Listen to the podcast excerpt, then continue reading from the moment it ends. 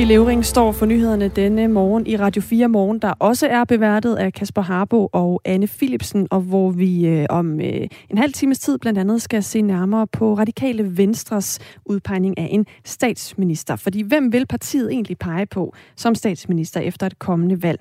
Ja, det har partiet ikke meldt endeligt ud, men folketingskandidat for partiet, Karolina Magdalena Meyer, mener, at Venstres formand, Jakob Ellemann Jensen, vil være den rette.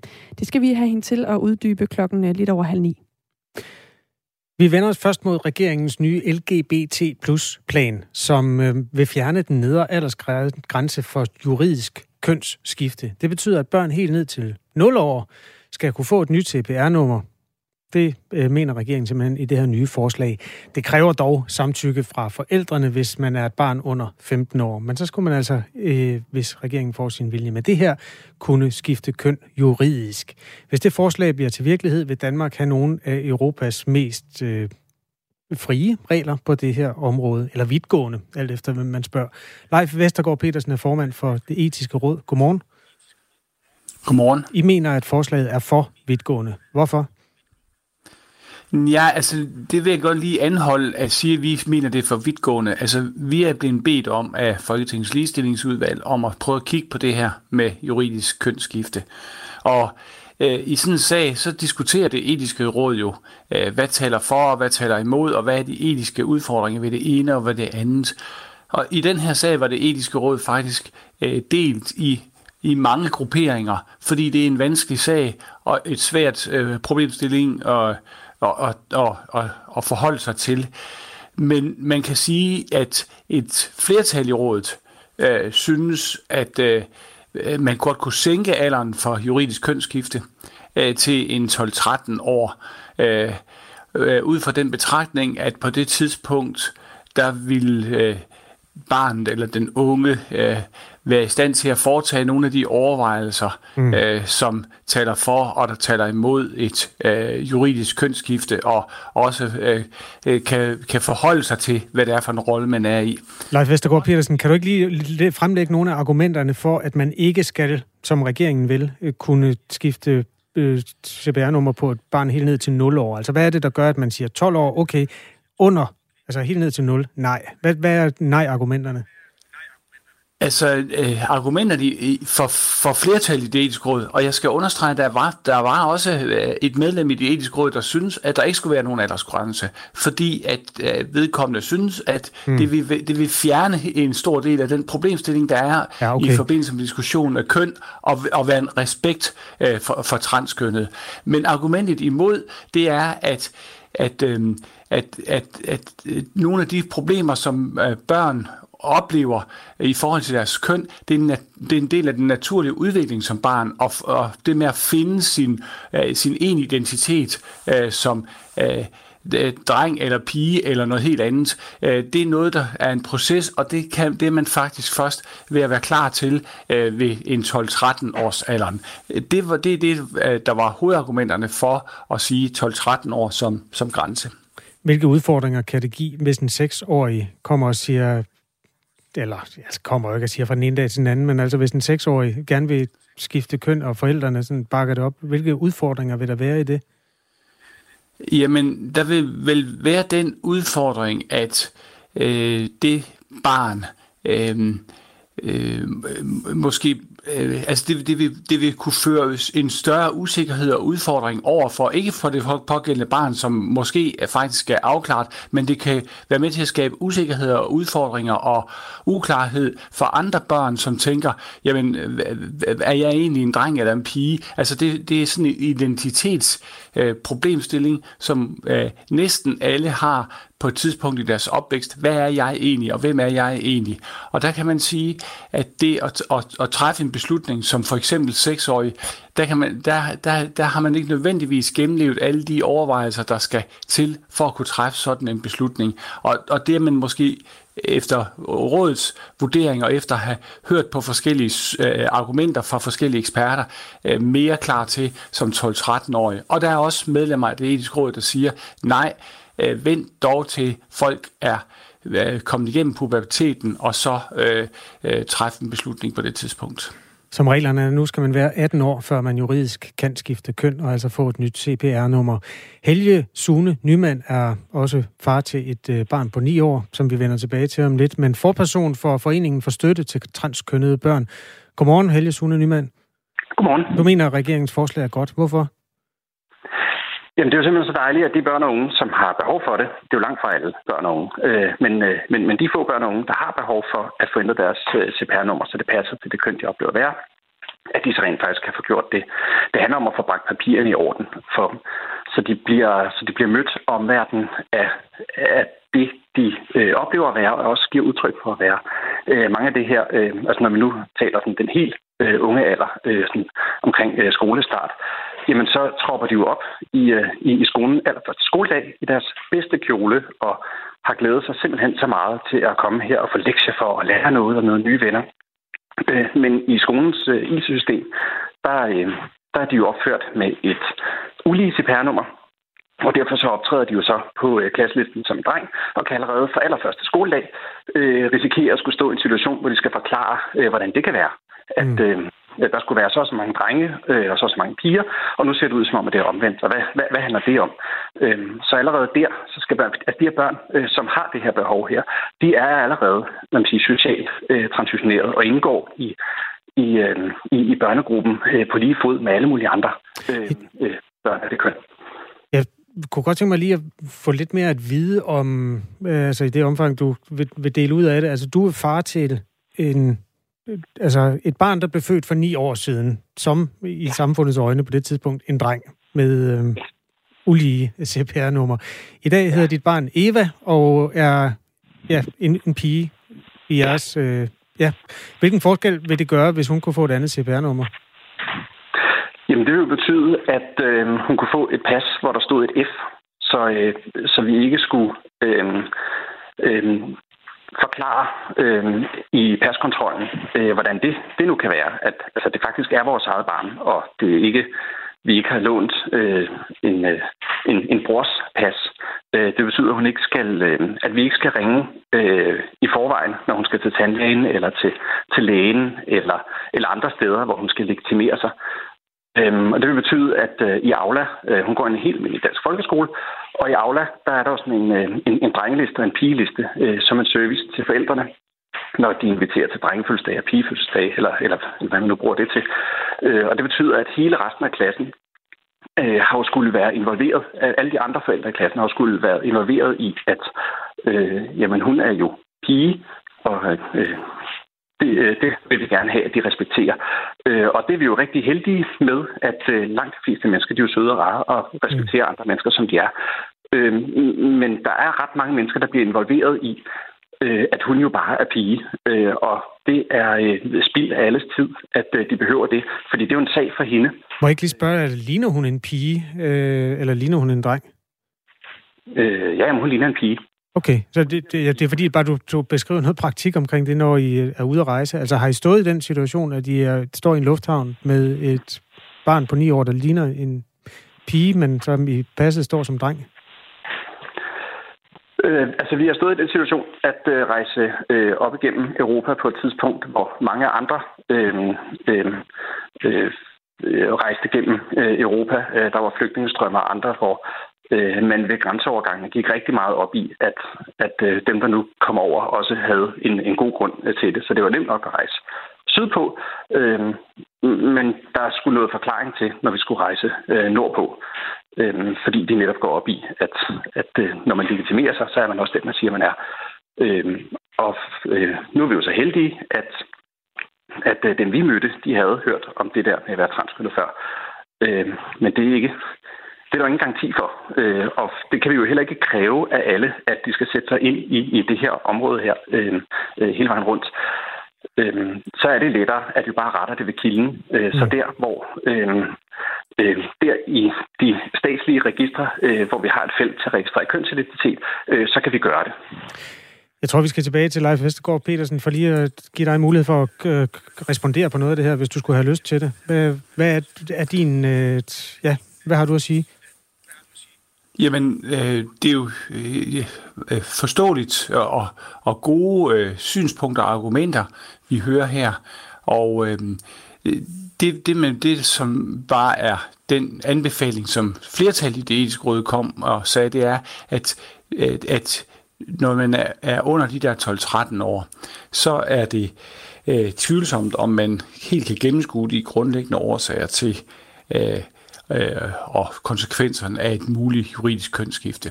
Øh, så, så derfor øh, var vores anbefaling, øh, flertallet i det etiske råd, at, at sænke alderen til 12-13 år, fordi vi godt anerkender de øh, problemer og øh, de, de øh, øh oplevelser, øh, uheldige oplevelser, man kan have, øh, som vi også får beskrevet her. Det anerkender vi fuldt ud.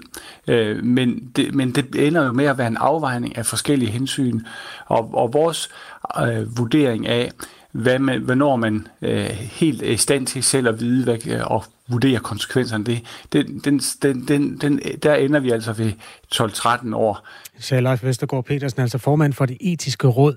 Den konservative ligestillingsordfører Birgitte Bergmann siger, at regeringens forslag rammer ved siden af. Til Jyllandsposten siger hun, når man er i en alder, hvor man ikke engang kan bestemme sin egen sengetid, så skal man heller ikke kunne skifte køn. Det er helt uhørt. Øhm, Helge Sune Nymand, dit barn er ni år. Øh, hvordan øh, har du det med, med det synspunkt? Altså, hun bestemmer jo heller ikke selv, hvornår hun skal i seng. Er du sikker på, at hun er i, i en alder, hvor hun kan bestemme sit køn? Øh, jamen altså, nu handler det jo heller ikke om sengetider, det her. Øh, det her, det handler om at øh, få lov til at være øh, den, man er. Øh, som menneske, så er vi den, man er. Øh, øh, vi er lige fra vi er født. Øhm, øh, det er jo ikke sådan, at hvis du tager ned på en helt almindelig øh, fodboldbane, hvor folk de render rundt, øh, hvor børn render rundt og spiller øh, fodbold, og så beder dem om at dele sig op i drenge og piger, så har de svært ved det, og så skal spørge en voksen, om, øh, om det nu er det ene eller det andet. Det ved børn godt. Øh, helt ned fra øh, udviklingspsykologien siger ned fra en øh, 2-3 år, der begynder øh, børn at få et billede af, at øh, øhm, at, at, at der er sådan forskellige kønslige mønstre, og begynder sådan at, at, at se sig selv ind i det, ud fra deres egen identitet. Og øhm, øhm, børn, de leger med det, de eksperimenterer, og de har faser, og de gør alle mulige ting.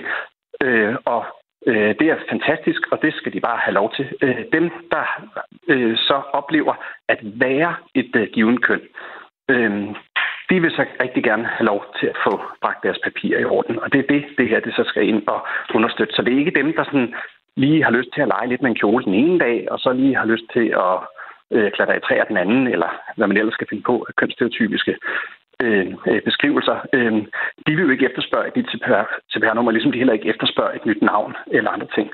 Øh, det okay. her, det er børn, som øh, som oplever at være et, øh, et køn, som øh, kan man sige, omgivelserne ikke forstå, kan, kan forstå, hvordan det kan lade sig gøre, fordi de har jo en liste, hvor der står øh, ting anderledes. Tak fordi du var med også øh, her, Helge Sune Nyman, altså forperson for Foreningen for Støtte til Transkønnede Børn og Far til Eva som er 9 år, og som har et ulige CPR-nummer. Det her det er regeringens nye LGBT plus plan, som konkret øh, arbejder på at fjerne den nedre aldersgrænse på juridisk kønsskifte.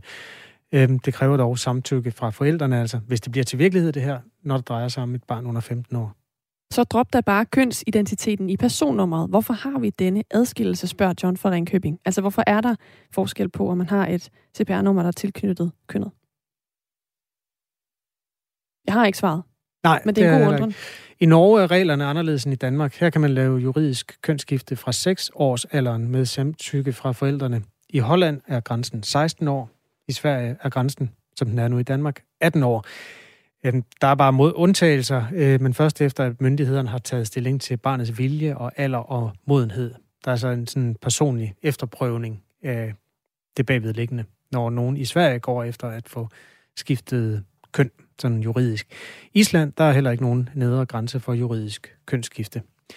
Det er en lille overflyvning på det, øhm, ja, på de nordiske lande i hvert fald. Det er jo meget forskelligt, hvor øh, højt man vægter det her på værdiskalaen. Bo, han skriver, gør som i Thailand. Lav et juridisk tredje køn.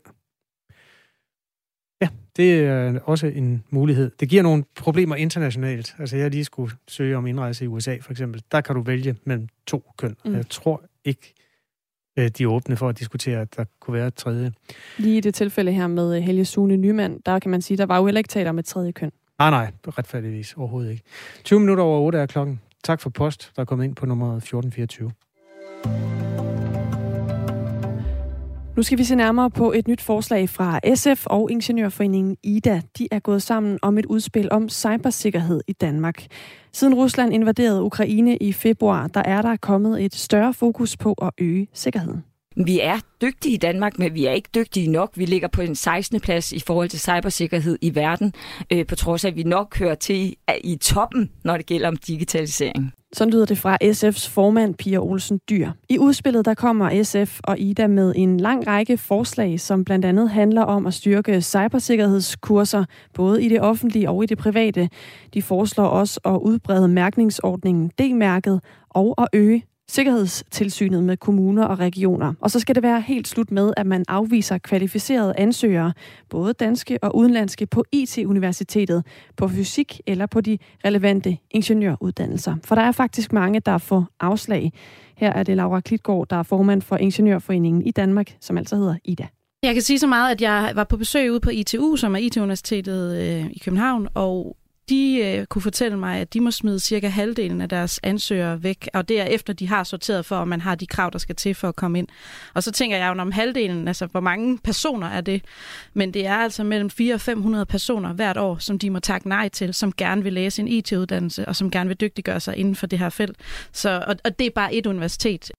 SF og Ingeniørforeningen foreslår også, at forskningsinstitutionerne fra næste år får mulighed for at opslå flere Ph.D.-pladser, så man også kan få en bedre forståelse af cybersikkerhed og digital krigsførelse, og i det hele taget beskyttelsen af vores kritiske infrastruktur.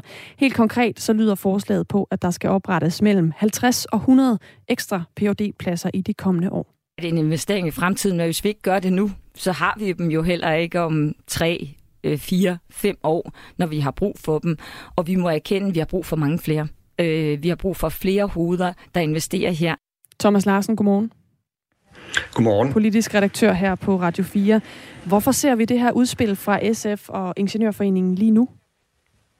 Ja, det skyldes jo især, at man politisk for alvor er ved at få øjnene op for de trusler, øh, som cyberangreb øh, er mod det danske samfund og også andre øh, samfund. Og det gælder både, når IT-kriminelle er på spil, og når de altså, prøver at afpresse både virksomheder og enkeltpersoner.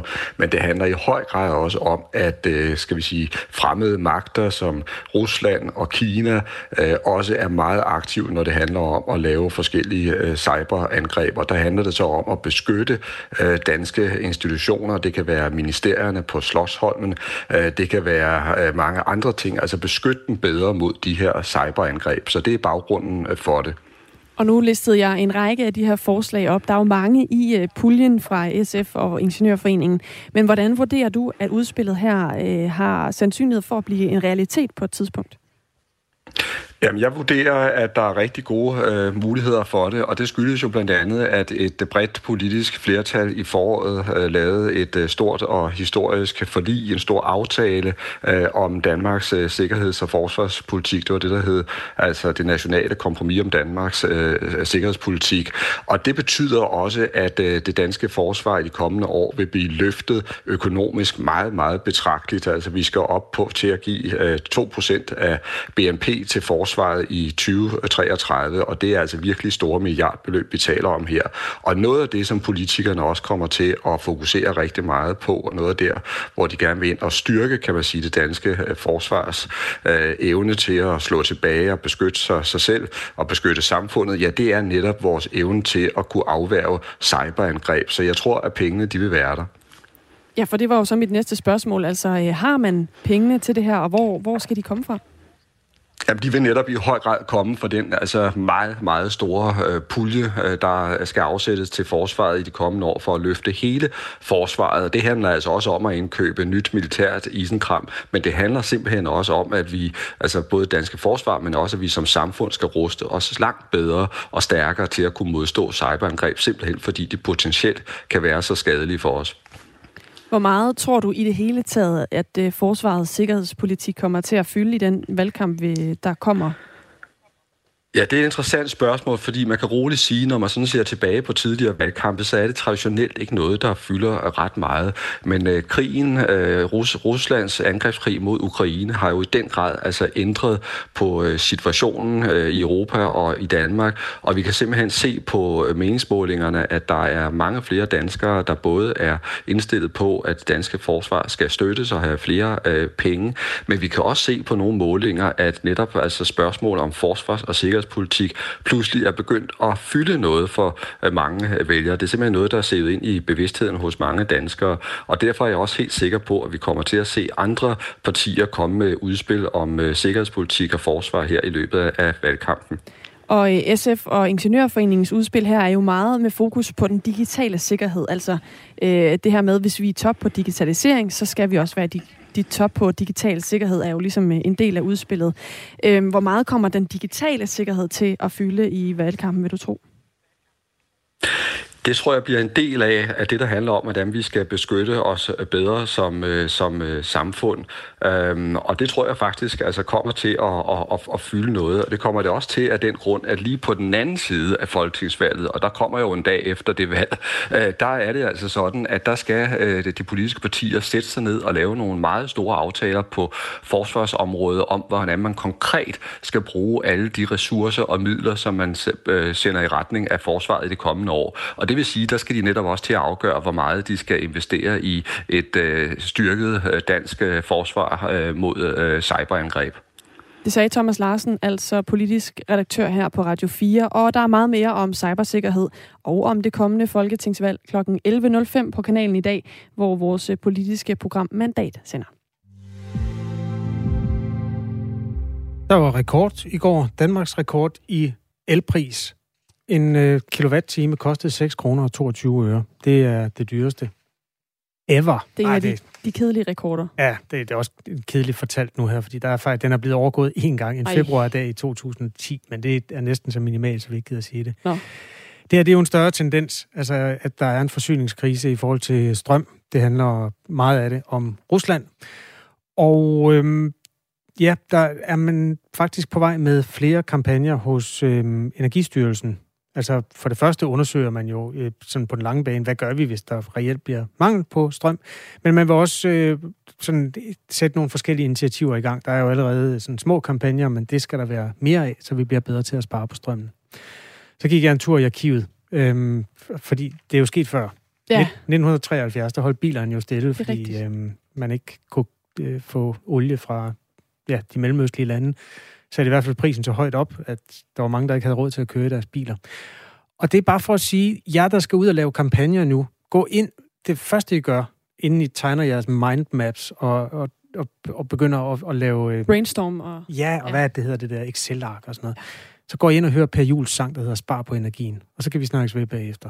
Nede i Arabien sidder de på olien og griner.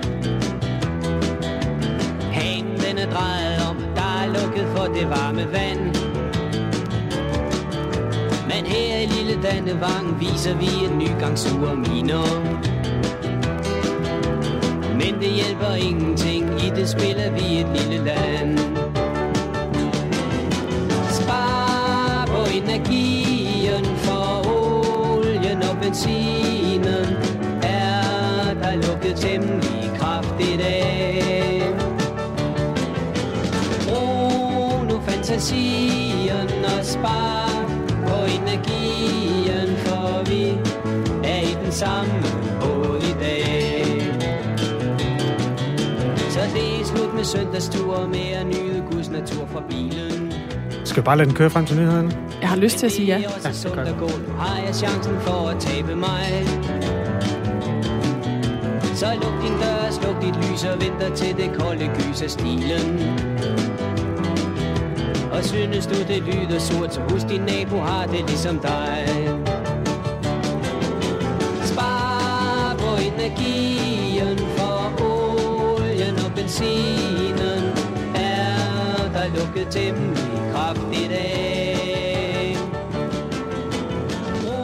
Den er fra 1973, at den hedder Spar på energien. Den ligger øh, i din foretrukne musiktjeneste. Sofie Levering, er du klar til at overtage for sådan et øh, mega hit? Jeg kan prøve. Du får lov her. Klokken er halv ni.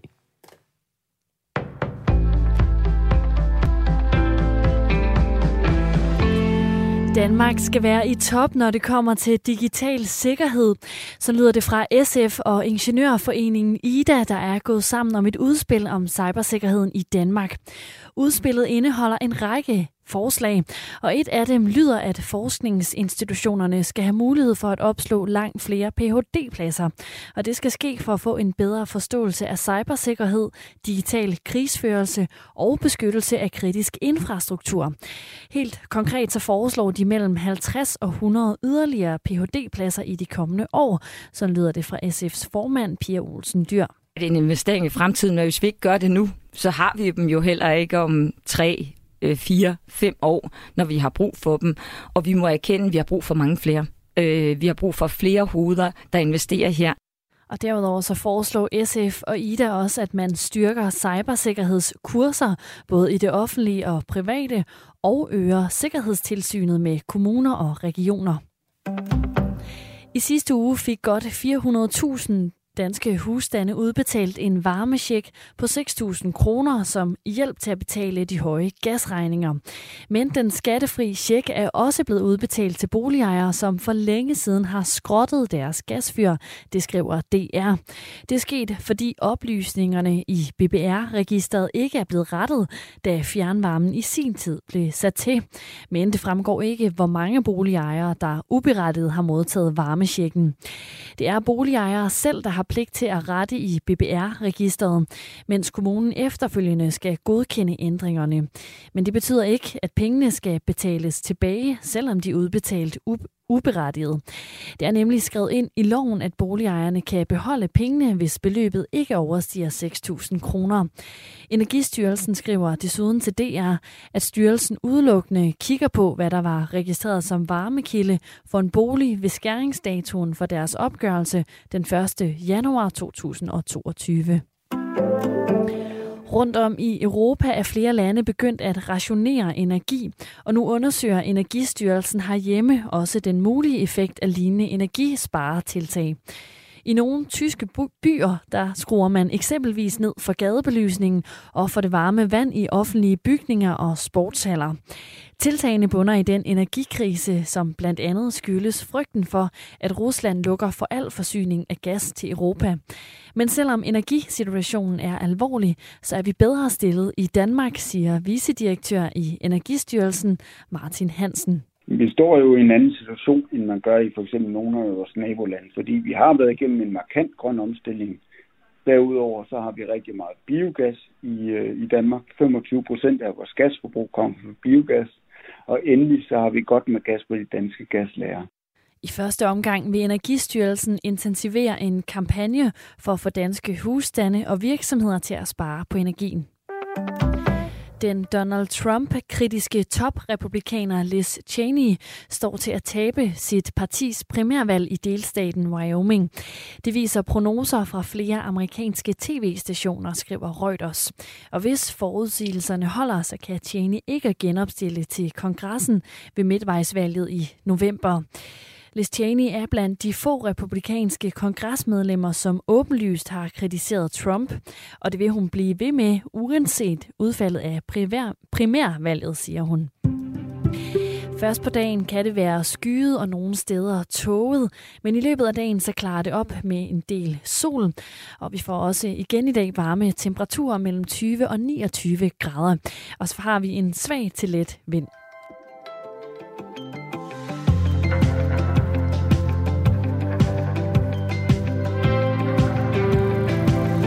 Hvem er den rigtige statsminister for Danmark? Den diskussion er jo blevet endnu mere intens de sidste par dage, efter at Søren Pape Poulsen fra Konservative Folkeparti lod forstå, at han gerne vil være kandidat til posten som statsminister i Danmark.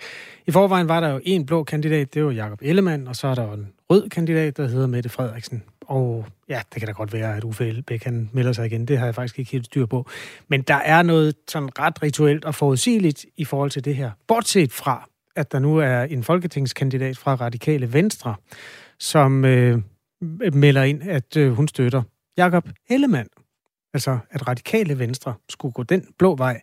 Det er virkelig interessant, og det interview, det skal vi lave om ikke ret lang tid her i Radio 4 morgen. Bagefter så skal vi øh, vende tilbage til noget, vi lige fik øh, berørt lige inden nyhederne, nemlig at I går aftes, der nåede elpriserne et niveau, som kun er overgået en gang tidligere, altså en rekord. Der er altså nogen, der øh, ikke var så begejstrede for den sang, vi fik spillet øh, inden nyhederne, som jo var en øh, energisparesang. Ja, fra Per Jul, 1973. Ja. John fra Ringkøbing, han skriver, så vil han modvilligt vælge Combardo-sangen i stedet. Okay. Godt respons og velkommen på nummer 1424. Øh, vi er ikke held med radikale venstre endnu. Vi kan lige tage mellemlanden på en nyhed fra den store verden. En af de sådan virkelig pionerer inden for øh, formidling af slanger øh, er ikke hos os længere. Han øh, blev kun 80 år. Øh, William Marty Martin hed han faktisk. Hed han det? William, Eller var det noget, man kaldte ham? Ja, man kaldte ham Marty. Okay. Så det er sådan et indsat i ja. gåseøjne. William Martin, han øh, var meget optaget af klapperslanger, og øh, dedikerede store del af sit liv til det, skrev en af de mest kendte bøger om klapperslanger. Øh, den hedder Crotalus horridus, og øh, handler om, hvordan man ødelægger deres habitater. Mundret navn. Det er ja. da egentlig flot at blive 80, hvis man er meget interesseret i klapperslanger. Han kunne godt være blevet endnu ældre, det... men det kan vi lige vende tilbage til. Okay. Ja. Han øh, var sådan en selvstændig fyr, der arbejdede uafhængig af universiteterne og klassiske forskningsinstitutioner. Han sværgede meget til feltarbejde, og han havde en del slanger i sit mm, hus. Ja, det styrker jo min hypotese. Øhm, kan du mærke, hvor det bærer hen? Ja. Skal vi, skal vi komme til det? Ja. Dødsårsagen? Ja. Kan du regne det ud? Det skulle vel aldrig være en slange? Jo, han blev sgu bidt af en klapperslange. Øhm, nå, men han blev 80 år. Det er alligevel mange år, han har undgået at blive bidt. Ja, men han er åbenbart faldet af på den. Hvad, ved man hvordan? Øh, hvordan slangen altså om der var en, der forrådede ham? Eller om han havde uaksom omgang med slangen? Eller, altså ved man, hvordan det ligesom... Det er meget kortfattet. Nå. Washington Post konstaterer, The cause was complications after being bitten by a captive rattler, altså en, en, øh, fangen, en i fangenskab tagen øh, klapperslange, at his home and research facility. Okay. Det skal man også altid passe på med at blande sin hjem og sin slangefarm sammen. Ja.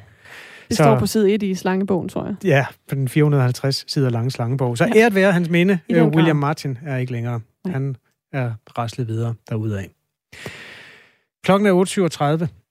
Det her er Radio 4 Morgen. Inden vi øh, vender tilbage til øh, folketingskandidat for Radikale Venstre, Karolina Magdalene Meyer, vi er lige ved at øh, få hende på, der ikke lige hul igennem, så kan vi lige nu at vende en anden historie, vi også har øh, været omkring her til morgen. Øhm, biblioteksbøder. Måske for nogen et irritationsmoment. I hvert fald så er det nu fortid, hvis du bor i Glostrup og låner bøger, eller musik, eller film, eller hvad du nu låner på biblioteket. Fordi som et forsøg, så vil Glostrup Bibliotek for den her uge og frem til juli ikke længere sende en regning, når du afleverer for sent. Altså slut med bøder. Det siger her leder på Glostrup Bibliotek, Helle Rats.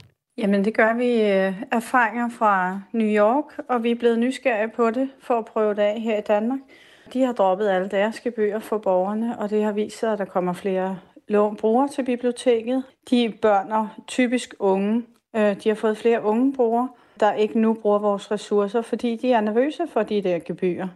Det er blandt andet nogle øh, forsøg, man har lavet i Chicago og New York, hvor folkebibliotekerne øh, har oplevet en stigning i udlån og antal brugere, efter man har droppet bøderne for bøger, der bliver afleveret for sent. Og det er altså også det, som Helle Rats håber, at tiltaget i Glostrup kan få i flere, flere især unge og øh, børnefamilier til nu at bruge biblioteket. Jeg læner mig op af forsøg andre steder, og så øh, går vi ud med det her, og så håber jeg, at øh, de unge også får øje på det. Jeg håber også, der kommer nogle børnelåner tilbage. Vi, vi ved, og ved eksempler, at der er børnefamilier, der ikke har lånerkort til deres børn. Fordi hvis det nu bliver forsinket, så skal du aflevere gebyr for tre børn, eller to børn, eller hvor mange du har. Ikke? Øhm, og så løber det altså op. Det siger altså Helle Rats, der er leder på Glostrup Bibliotek, og det er et interessant forsøg, lyder det fra øhm, blandt andet øh, Danmarks Biblioteksforening, men det er ikke nødvendigvis den smarteste måde at holde butikken kørende på, om jeg så må sige, fordi det kan betyde, at bøgerne ikke kommer retur, mener i hvert fald Pau Østergaard Jensen, der er lokalpolitiker i Albertslund Kommune, hvor han er formand for Social- og Sundhedsudvalget for Socialdemokratiet, og også formand for organisationen Danmarks Biblioteksforening, der varetager de danske folkebibliotekers interesser. Jeg synes, det er en rigtig god idé, at øh, man gør det som et forsøg for også at følge, hvad der konkret sker i situationen. Øh, og der er en række afledte effekter af det, hvis, øh, hvis øh, alt efter hvordan det går. Altså, det er jo ikke 100% sikkert, det går, som man drømmer om på Glostrup Bibliotek, men jeg synes, det er smadret spændende at prøve det af. Og så må man jo se, øh, og, om, øh, om bøgerne kommer tilbage. Jeg kan forstå, at de også sender rykker ud alligevel, og, øh, og der i, i sidste ende, hvis bogen aldrig kommer tilbage, så kommer der også en regning hvis, øh, til erstatning for bogen, sådan som der også gør i dag de steder, hvor der er gebyrer. Så øh, må ikke bøgerne kommer tilbage. Øh, jeg er mere bekymret for spørgsmålet om de der i Glostrup er det så 45.000, jeg ved andre steder er det mere. Mm. Øh, I gebyrer, man taber på biblioteket, hvem skal, så, øh, hvem skal så dække det? Fordi det er jo midler, der går, til, der går for andre aktiviteter på biblioteket, hvis ikke byrådet i Glostrup øh, går ind og dækker de, de tabte gebyrer. Men hvis det ender som en succes, så kunne øh, Pau Østergaard Jensen godt se for sig, at Danmarks Biblioteksforening kommer til at støtte sådan en ordning, som man altså nu har lavet i øh, Glostrup. Klokken er 20 minutter i 9. Valgkampen er vist i gang. Det ene parti efter det andet lancerer politiske udspil og kandidater til statsministerposten. Øh, lige nu er det op i luften, hvem de radikale og de borgerlige partier foretrækker som kommende statsminister. Og derfor er det interessant, at Karolina Magdalene Meier, folketingskandidat for Radikale Venstre, og jo tidligere medlem af Folketinget for Alternativet, har skrevet et indlæg i Raison, hvor hun, eller du faktisk, ja, godmorgen, Karolina ja, godmorgen. Magdalene Meier, godmorgen. hvor du skriver, at du ser Venstres formand Jakob Ellemann Jensen som den rette til at indtage, indtage statsministeriet. Hvorfor ham, den blå mand? Jamen, den blå mand for, for en, midter, en midterregering skal jo lige understrege, det har jeg også skrevet i indlægget, at øh, altså, præmissen er jo, at vi gerne vil have en regering over midten. Øh, hvem er det så, der skal lede den? Og øh, der mener jeg jo, at øh, jeg ser personligt i hvert fald heller Jacob Ellemann som en leder af sin regering, end jeg ser Mette Frederiksen som leder af sin regering. Og det gør jeg primært, fordi jeg synes ikke, Mette Frederiksen har vist sig værdig til at skulle have en periode mere som statsminister, med den måde, hun har forvaltet magten på. Det kan Så vi lige vende tilbage til hende. Skal vi ja, ikke lige prøve ja. at male billedet jo. af den regering, hvis der nu kommer sådan et valgresultat, der måske minder ja. lidt om det, der kom sidst, tilsat noget Inger Støjberg og sådan noget, og det bliver muligt ja. at lave noget hen over midten. Hvem skal så være ja. med i den regering? Altså Socialdemokraterne, skal de være med? Ja, det, det skal de jo, fordi det er jo det største parti, og dem kommer man næppe udenom. Øh, jeg synes bare ikke, de skal have statsministerposten, men altså den, den regering, jeg kunne forestille mig som et ønskescenarie, det kunne jo være øh, Socialdemokraterne, Venstre, øh, Moderaterne og så Radikale Venstre. Det vil være en, en fornuftig midterregering fra mit perspektiv. Venstre vil jo, hvis målingerne, der kommer for tiden, de passer nogenlunde, være cirka halvt så store som Socialdemokraterne. Hvordan skulle det så kunne lade sig ja. gøre, at Uffe Ellemann... Nej, ikke Uffe, undskyld, ja, undskyld. Jakob Ellemann ja. får, øh, får statsminister ja. taburetten? Altså, det kommer jo lidt an på, hvad man peger på som kongelig forhandler. Der foregår jo et spil der, og når valget er opgjort, så skal de enkelte partier jo pege på en kongelig forhandler. Altså hvem er det, der skal stå i spidsen for regeringsforhandlingerne? Der kan man jo forestille sig, at der var nogle flere, der pegede på ham. Det kan også være, at man skal igennem flere forhandlingsrunder, og at bolden lander hos ham på et tidspunkt, og han så kunne, øh, kunne prøve. Så jeg, altså, jeg har jo ikke lavet taktikken øh, ud i et færdigt spil. Det her det er simpelthen bare en invitation til ham i forhold til at prøve at sige, at jeg kan også byde mig til for en midterregering, i stedet for kun at byde sig til for en borgerlig regering, som jo skal basere deres støtte på, på øh, Nye Borgerlige og DF og Inger Støjberg. Lige siden 80'erne har radikale venstre helt øh, mere mod venstre end mod højre, altså at være ja. støtteparti for flere socialdemokratiske regeringer. Øhm, så det er jo lidt øh, kontroversielt, det er du sikkert også godt klar over, at du peger på en venstremand. Ja, øhm, ja. Og det kommer jo oven i en tid. Vi kan lige rise op, hvad der i øvrigt ellers er på linjen i øjeblikket mellem Socialdemokraterne og øhm, Radikale Venstre. I har jo, altså, jeres parti, dit parti har jo erklæret, at partiet vælter regeringen, hvis ikke statsminister Mette Frederiksen udskriver valg inden Folketingets åbning 4. oktober. Øhm, de radikale øh, politiske leder, Sofie Carsten Nielsen, har sagt, at partiet vil sige endeligt, hvem de peger på som statsminister, når valget bliver udskrevet, men hun... Øhm, sagde blandt andet også sådan her under partiets sommergruppemøde i forrige uge. Er Mette Frederiksen den eneste, der har stillet sig til rådighed for at lede det, som vi virkelig tror kunne være med til at løse de store kriser. Klimakrise, velfærdskrise, trivselskrise. Samle på tværs af røde og blå. Det stiller hun sig til rådighed for. Jeg synes, det ville være det allerlykkeligste dilemma, vi overhovedet havde i Radikal Venstre, hvis der var flere, øh, der havde lyst til at stå i spidsen for et sådan projekt fra de store partier. Og Jakob Ellemann Jensen, som du øh, peger på, øh, Karolina Magdalena Meier, han gider ikke. Altså, han har afvist en regering hen over midten. Så det er jo i virkeligheden øh, ren ønsketænkning det er i hvert fald øh, øh, et, et, jeg byder ham jo op til dans på et grundlag, hvor han ikke, han har været, han har været ikke skrevet radikalt på sit balkon endnu, vel? Men, men jeg synes jo også, at vi skal presse Venstre. Altså det her, når jeg skriver det indlæg, jeg gør, så er det helt seriøst, fordi jeg tror, det vil være det bedste for Danmark at få en midterregering med de partier, som kan løse de udfordringer, vi står overfor lige nu i samfundet. Men det er jo også et spørgsmål om at prøve at sige til Venstre, skulle I lige overveje en ekstra gang, om I kun skal byde jer til i forhold til en borgerlig regering. Det er der ikke. Der er jo ikke nogen, der siger, at man kun øh, skal byde sig til i forhold til en, en, en højrefløjsregering. Så, ja, så det er jo et oplæg til ham også, i forhold til at prøve lige at tænke med, igennem en ekstra gang. Karolina Magdalena Meyer er altså folketingskandidat for Radikale Venstre. Nogle kender måske også navnet, fordi du tidligere har været medlem af Alternativet. Det lyder som om, det er en ordentlig tur til højre, du har taget dig. Altså startende på Alternativet, og så nu øh, som støtte for en blå statsminister. Ja, men når du siger som støtte fra en blå statsminister, så lyder det jo som, at det er et borgerligt projekt. Altså det her er et midter, midter, øh, midterregeringsprojekt, som jeg taler for. Så det er jo ikke støtte til, øh, til blå blok, som der også er mange, der har tolket det som, bare fordi man siger hans navn. Man skal jo læse det, der står i indlægget, nemlig at det er en midterregering. Og det er jo fordi, jeg mener, at vi har brug for at gøre op med de der fløje, fordi fløjene lige nu betyder krig mod hinanden. Og det har danskerne ikke glæde af. Altså vi hører ikke andet end spin og fløjkrig. Vi skal have nogen, der kan sætte sig sammen og løse nogle af de udfordringer, der står overfor. Og der tror jeg bare, at han vil være en god figur, fordi han, jeg, har en, jeg kunne have en forventning til, at han kunne have en anden forvaltning af magten, end hvad Frederiksen har vist sig øh, at have. Og det har vi brug for i Danmark. Så det er egentlig også et spørgsmål om at sige, prøv at komme nu, Jacob. Altså, kom ind i kampen og prøv at være med til at, øh, at, at stå i spidsen for en regering, der ikke er lige så magtbekommen, men som lytter lidt mere. Dem, du gerne vil udelukke af øh, at have at sidde på magten i Danmark, det er jo dem, der har en, en sådan ret skarp udlændingepolitik. Dansk Folkeparti, Nye ja. Borgerlige, Danmarksdemokraterne. Ja. Det fremgår også af dit indlæg. Men ja. øh, er det ikke også at lave fløjkrig, altså at der er nogen, der, der kommer til at stå på den, på den ene fløj og ikke få deres ting igennem? Altså, jeg ved ikke om det er, jeg synes ikke, det er at bedrive fløjkrig. Fløjkrigen er jo, når fløjene råber af hinanden. Jeg har, det her handler jo om, at vi har, ja, en højrefløj, som lige nu kæmper om at være de mest udlændinge, øh, de hårdeste på udlændingebashing. Det er der ikke nogen, der er tjent med. Altså, vi har en kæmpe udfordring med at få udenlandsk arbejdskraft i Danmark, og og vi har en, en masse symbolkrig på det, og vi behandler de borgere i Danmark, som kommer andre fra andre lande, super dårligt. Det er da en politisk udfordring, vi bliver nødt til at tage alvorligt. Og det betyder også bare, at, så må vi, at, vi, at vi bliver nødt til at have en regering, der ikke baserer deres støtter på nogle af de partier, som lige nu kæmper om at være de værste på udlændingepolitikken. Så jeg synes, det er et politisk spørgsmål.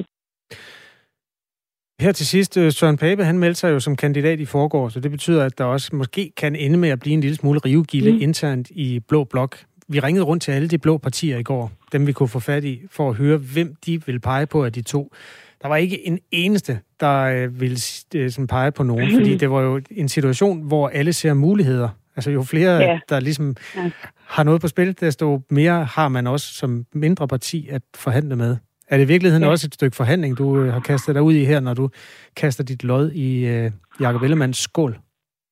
Ja, altså alt er jo til forhandling, når man, øh, når man er i politik, og alt vil vise sig efter valget, for det er der, de egentlige forhandlinger skal foregå. Så jeg synes, det er helt fornuftigt, at man ikke kaster om sig til højre og venstre med, med bud lige nu. Men jeg tror bare, at Jacob Ellemann øh, et eller andet sted, altså også for at undgå den kamp, der bliver, der vil blive med, med Søren Pape, at han, hvis han bød sig til for en midterregering, faktisk kunne åbne sit mulighedsrum i forhold til at gå ind og få en afgørende rolle i dansk politik. Og det synes jeg egentlig, han fortjener, og det synes jeg, Danmark fortjener. Så, så på den måde er det her jo et bud op til dans, og så må den dans jo blive, som den bliver, når, når, når folket har givet deres stemme. Det lyder som om, du siger, at hvis bare Jacob Ellemann han meldte sig ind i radikale venstre, så vil du synes, at var alle tider. nej, nej, han, må være, han skal være venstremand, fordi at, at han har det i sit projekt. Han er en god liberal politiker, og det har vi brug for i Danmark, så han skal jo blive, hvor han er, men han skal bare bedrive god, klassisk liberal venstrepolitik, og ikke øh, hvad hedder sådan, udlændingefjendtlig venstrepolitik, som vi jo har set, når man har, har skulle kæmpe om stemmerne med de borgerlige og DF.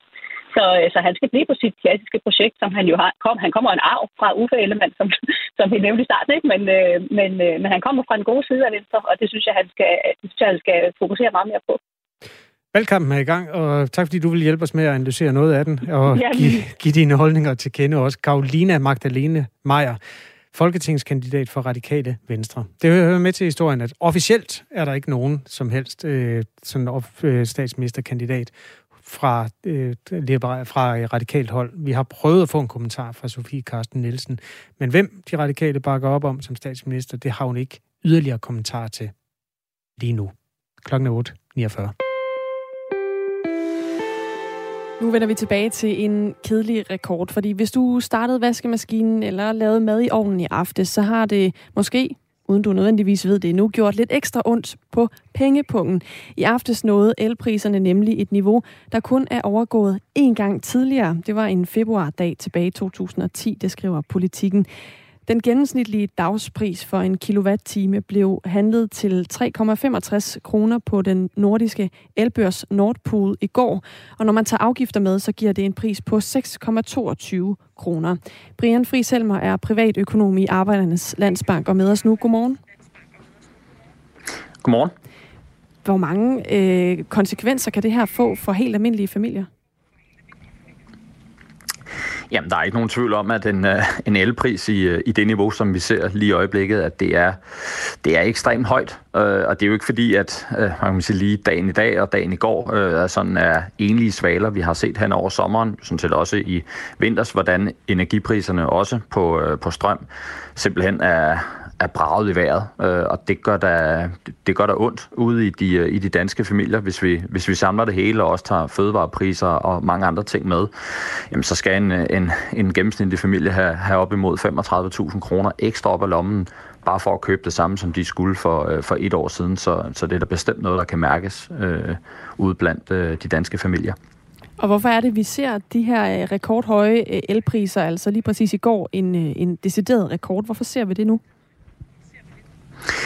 Ja, der er jo egentlig sådan, der, der er nok flere årsager til det, men, men, men en af de i hvert fald overskyggende, eller, eller en af de hovedårsagerne til det, det er, at vi kan se sådan noget som prisen på naturgas ligger også ekstremt højt, og det påvirker altså prisen på, på strøm, for man bruger også naturgas til at, at, at producere strøm, så, så, så det er sådan set den, den, den ene side af det, men vi har jo selvfølgelig også set, at øh, sådan noget som øh, produktion i virksomheder osv. er gået i gang igen efter sommerferien, og det er jo også med til at øge efterspørgselen efter strøm, og det, det trækker jo så også øh, priserne op. Men, men, men hovedårsagen, det er altså øh, de her øh, enormt høje øh, naturgaspriser.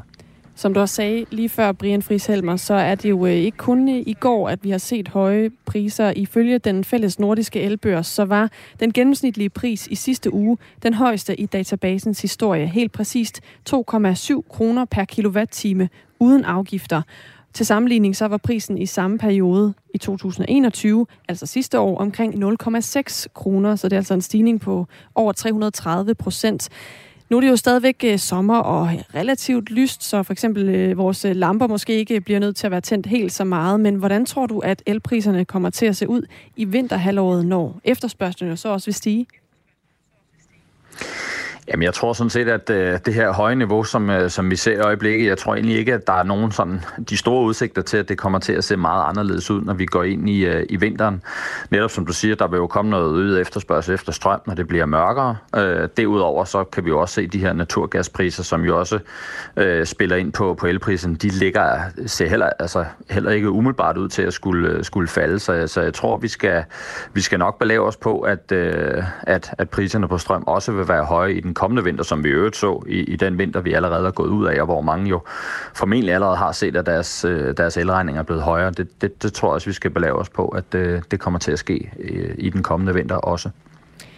Nu var du inde på før, at det jo også handler om øh, mange udefrakommende faktorer, der gør, at prisen på øh, el stiger. Men i sådan en øh, situation, hvor der er rigtig mange øh, forskellige forhold, der gør sig gældende, også forhold, som forbrugerne kender til, øh, kan man så være sikker på, at den stigning, vi ser i for eksempel øh, prisen per kilowatt-time, at den reelt udelukkende øh, skyldes de udefrakommende faktorer, eller er der også noget forretning, øh, der går i det her fra, øh, fra el, elselskabernes side? Det synes jeg er svært at svare på, men altså jeg vil sige, alt andet lige, så, så, så vil jeg mene, at, øh, at, at det, det, det primært er de her udefrakommende faktorer, der, der er med til at, at, at påvirke priserne på, øh, på både strøm og, og, og naturgas osv. Og vi har jo også set, blandt andet på naturgas, grunden til priserne er sted her, er jo, at øh, rigtig meget af det importerer vi jo fra, øh, fra, fra Rusland, og der er jo altså blevet skruet ned for leverancerne, og det får altså bare priserne til at, at skyde i vejret. Øhm, så, så, så, så, så umiddelbart så vil jeg, vil jeg mene, at det, det primært skyldes de, de udefra kommende faktorer. Og det kan jo altså ende med at blive ret så dyrt for øh, os som forbrugere. Hvad kan vi gøre, hvis vi har brug for at øh, spare penge i vores elforbrug? Jamen det er egentlig at, at gå tilbage til nogle af de, øh, de gode gamle øh, energispareråd, som jo sådan set har været gældende i lang tid, men som man måske ikke har skælet så forfærdeligt meget til, fordi at, at prisen på energi har ligget sådan relativt stabilt i, igennem øh, rigtig mange år. Og det handler jo altså sådan helt lavpraktisk øh, for, øh, for, for, for en familie. Det, det er jo at kigge på energislugerne i ens, øh, i ens husholdning. Det er jo blandt andet sådan som hårde hvidevarer. Man kan selvfølgelig ikke slukke for fryser og køleskab, men man kan jo tænke over, hvordan, man, hvordan og hvornår man bruger både opvaskemaskinen, vaskemaskinen, tørretumbler, øh, og så handler det jo selvfølgelig også om, øh, øh, hvis, man har sådan, hvis man har en elbil og så videre, at man, at man lader den på tidspunkter, hvor strømmen er, er billigere end på, øh, end på andre tidspunkter af, af døgnet. Og så handler det jo selvfølgelig også om at kigge på, øh, og, og måske også at bruge mindre strøm, end man måske har været, øh, har været vant til. Og der handler det jo så om at gå ind og kigge hvad bruger jeg af strøm øh, i forvejen, og hvad bruger andre, øh, som, som ligner mig i strøm? Fordi så kan man jo sætte sig ned og sige, bruger jeg mere end gennemsnittet, så er der i hvert fald et endnu større potentiale for at, at kigge på og, øh, og spare noget strøm. Tak for de øh, råd, og fordi du var med her, Brian Fris Helmer, altså privatøkonom i Arbejdernes Landsbank. Jeg rydder lige op i de tilkendegivelser, der er kommet, inden ja. vi skal have de sidste nyheder i den her omgang Radio 4 morgen. Øhm, der er en tilbagemelding fra Steve, der lyttede med på interviewet med den radikale folketingskandidat Karolina Magdalene Meier, som peger på Jakob Ellemann som den rette statsminister, som hun gerne så, i spidsen for sådan en regering hen over midten, sammen med Socialdemokrater og radikale naturligvis, og Moderaterne blev også inviteret med i det her. Øh, de her åbne arme, som hun slår op i et indlæg i magasinet Raison. Steve han noterer, at Rød Blok ville jo ikke regere hen over midten ved det sidste valg, men nu, når deres målinger fejler, fejler vil de pludselig gerne og prøve at se ud som forgængere. Øh, jeg tror, han mener sådan en forgangsmand. Øh, prøv, spørg ikke lige mere ind til den kovinding, spørger Steve. Og det kan vi jo ikke nå, øh, Steve, øh, men det er et meget godt spørgsmål sagen er så den, at det er jo ikke officiel øh, radikal udmelding. Det er en, en enkelt person, Karolina Magdalene Meyer. Hun sidder heller ikke i Folketinget. Endnu i hvert fald. Øhm, en hurtig sms fra en lytter, der har hørt de her indslag om biblioteksbøder, der er blevet afskaffet i Glostrup Kommune. En, en lytter foreslår, fordi der er jo en vis bekymring for, om bøderne, som jo har den opdragende effekt, at folk afleverer bøgerne tilbage på et tidspunkt, og man ikke i stedet kunne lave øh, den ordning, at hvis ikke folk har afleveret deres bøger, så kan de ikke låne nye bøger. Ja. Det er meget pædagogisk. Det vil være meget øh, til at forstå, og stadig være gratis jo, for øh, folk. Tak for de mange sms'er, der er kommet ind på 1424 i dag. Det er rigtig dejligt at få inputs og respons på de indslag, vi har. Der er nogle ting, som er helt ude i den store verden, der pludselig føles meget nære, når der er mennesker her i Danmark, der lige gider hjælpe os med at, at sætte fingeren det rigtige sted. Man kan altid skrive til os på 1424. Bunden af nyhedspunkten, det er der, hvor vi når til nu. Øh, ja. Der er nogle historier, som er stor øh, væsentlighed, som derfor har været bragt tidligere. Så er der nogen, som på en eller anden måde ikke har hørt til i den kategori, Nej. men som jeg bare ikke helt kan slippe alligevel. Dem når vi nu. Der er kommet en pressemeddelelse mm-hmm. under overskriften Kælekatte huserer i Tømmerup. Hold da op. Øhm, det er ved Tornby. Jeg formoder, det er Amager Tornby. Jeg ved ikke, om der er andre. Men det er i hvert fald, der har i mange år ligget en planteskole, og den er de sidste fem år blevet en del af kæden Plantorama. Ja. Der arbejder en dame, der hedder Connie, og hun er helt tosset med katte. Okay. Så i alle de år, hvor der har været planteskole der, og det er mange år, øh, Connie øh, med efternavnet Bjørnestad har arbejdet der i 18 år, hun er så glad for katte, at de har altid skulle være der. De må selv bestemme, hvor de vil være henne, og de kan komme og gå, som det passer dem. Så Connie har arbejdet der, før det blev til Plantorama-kæden også? Det har du ret i. Ja. 18 år. Og det, at den er blevet Plantorama, ændrer altså ikke ved, at der stadig er katte i øjeblikket. Eller faktisk de sidste tre år har der været to øh, katte. Det er hankatte med navnene Walter og Carlo. Nå, ej, det var da meget sødt. Øhm, op, på, ja. op på fars kat. Okay, her kommer et citat. Ja. Uh, Connie Bjørnestad, der gennem 18 år har arbejdet ved det, der nu er Plantorama i Tornby. Katte går deres egne veje, og det skal de have lov til. Vi har også nogle kunder, der kun kommer for at tale med kattene, og de går jo nogle gange forgæves, siger Connie Bjørnestad. Altså mm. med henvisning til, at kattene så ikke er hjemme. Uh, hun fortsætter. Valter kommer hver morgen og får lidt rejer, og så bliver han helt balstyrisk. Jeg har lært ham at sidde, når han får dem, ligesom en hund gør, når den får en godbid, griner Connie Bjørnestad. Ja, okay. At styre kattene i centret er en umulig opgave, og det er der heller ingen grund til, mener Connie Bjørnestad. Også selvom katten engang imellem får snedet sig ind nogle sjove steder.